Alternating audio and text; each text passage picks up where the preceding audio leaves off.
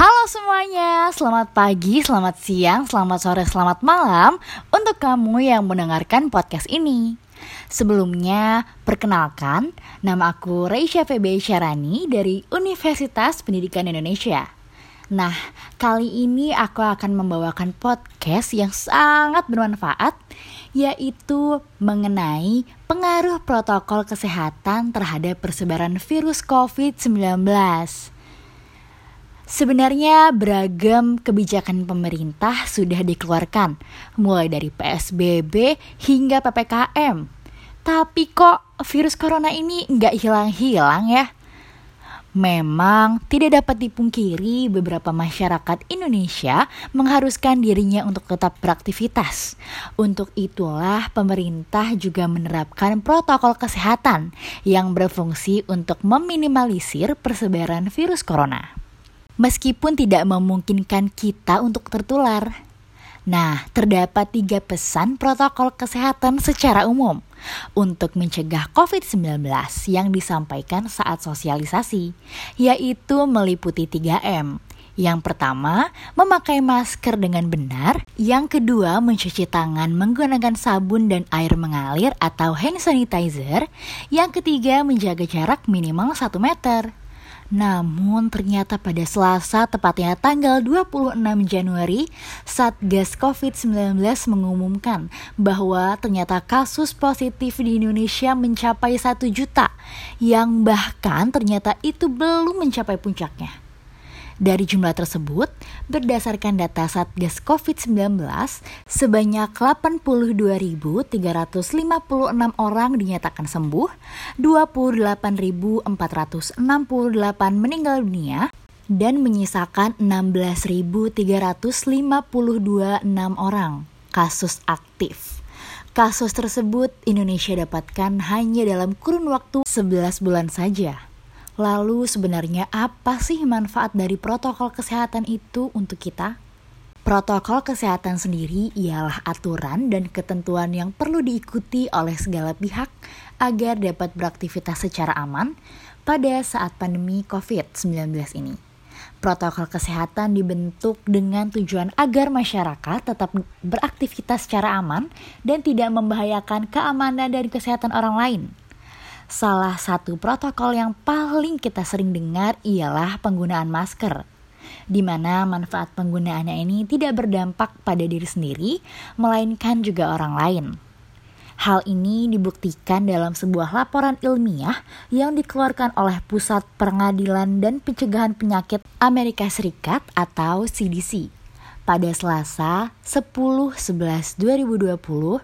Sebelumnya di bulan April CDC pernah merekomendasikan agar orang-orang tetap memakai masker.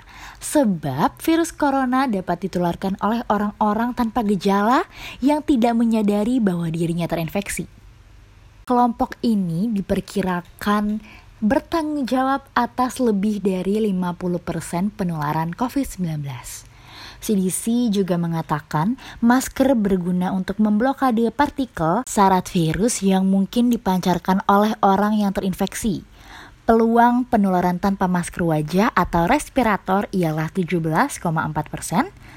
Kemungkinan itu turun menjadi 3,1 persen pada saat masker dipakai.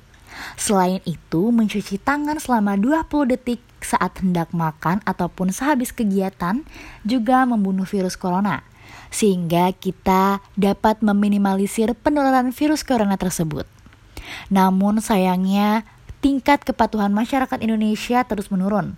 Seperti yang dikatakan oleh juru bicara Satgas Penanganan COVID-19, Wiku Adhisa Smito mengatakan tingkat kepatuhan masyarakat dalam menerapkan protokol kesehatan terus menurun pada November 2020, di mana menunjukkan presentase yang memakai masker hanya 59,32 persen.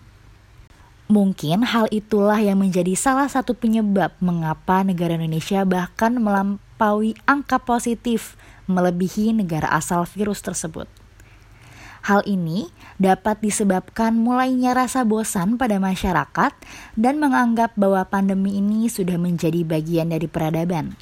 Selain itu, mungkin para petugas juga sudah mulai jenuh. Lalu, solusi-solusi apa saja yang dapat kita lakukan dalam upaya meningkatkan kesadaran masyarakat akan pentingnya penggunaan protokol kesehatan? Dilihat dari data-data tadi, di mana terdapat signifikansi angka terpapar virus corona dengan yang menggunakan dan tidak menggunakan masker. Tentunya, hal yang pertama kita lakukan ialah sadar akan diri Lalu, kita juga harus berani untuk menegur orang lain apabila pelanggar protokol atau bahkan tidak mematuhi protokol itu sendiri. Pemerintah juga mampu mensosialisasikan penerapan protokol kesehatan serta melakukan penjagaan di jalan dengan bantuan polisi lalu lintas untuk menghukum siapa pun yang tidak menggunakan masker dan menerapkan protokol kesehatan. Apabila kita menaati protokol kesehatan, maka kita telah membantu meminimalisir persebaran COVID-19.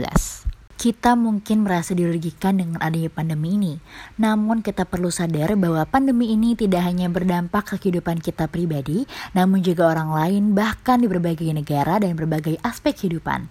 Kita juga harus sadar bahwa pandemi ini benar-benar nyata. Tugas kita hanyalah mampu meminimalisasi agar kita serta orang lain tidak tertular. Untuk itu, hal yang paling mudah dan bermanfaat bagi diri sendiri dan orang lain ialah untuk melakukan dan mematuhi protokol kesehatan. Kita telah melihat sendiri bahwa Indonesia lebih dari mencapai 1 juta kasus positif COVID-19. Untuk itu, kita harus tetap mematuhi protokol kesehatan dan tetap berada di rumah bila tidak ada kepentingan. Karena dengan begitu, kita telah berpartisipasi dalam meminimalisasi persebaran COVID-19 ini. Sekian yang dapat saya sampaikan, semoga bermanfaat ya. Jangan lupa untuk tetap mengikuti protokol kesehatan, karena apabila kita terpapar, maka tidak sebanding dengan apa yang kita lakukan. Hal ini aku sampaikan untuk memenuhi tugas Mabim Pendidikan Sosiologi 2020. Kurang lebihnya mohon maaf. Wassalamualaikum warahmatullahi wabarakatuh.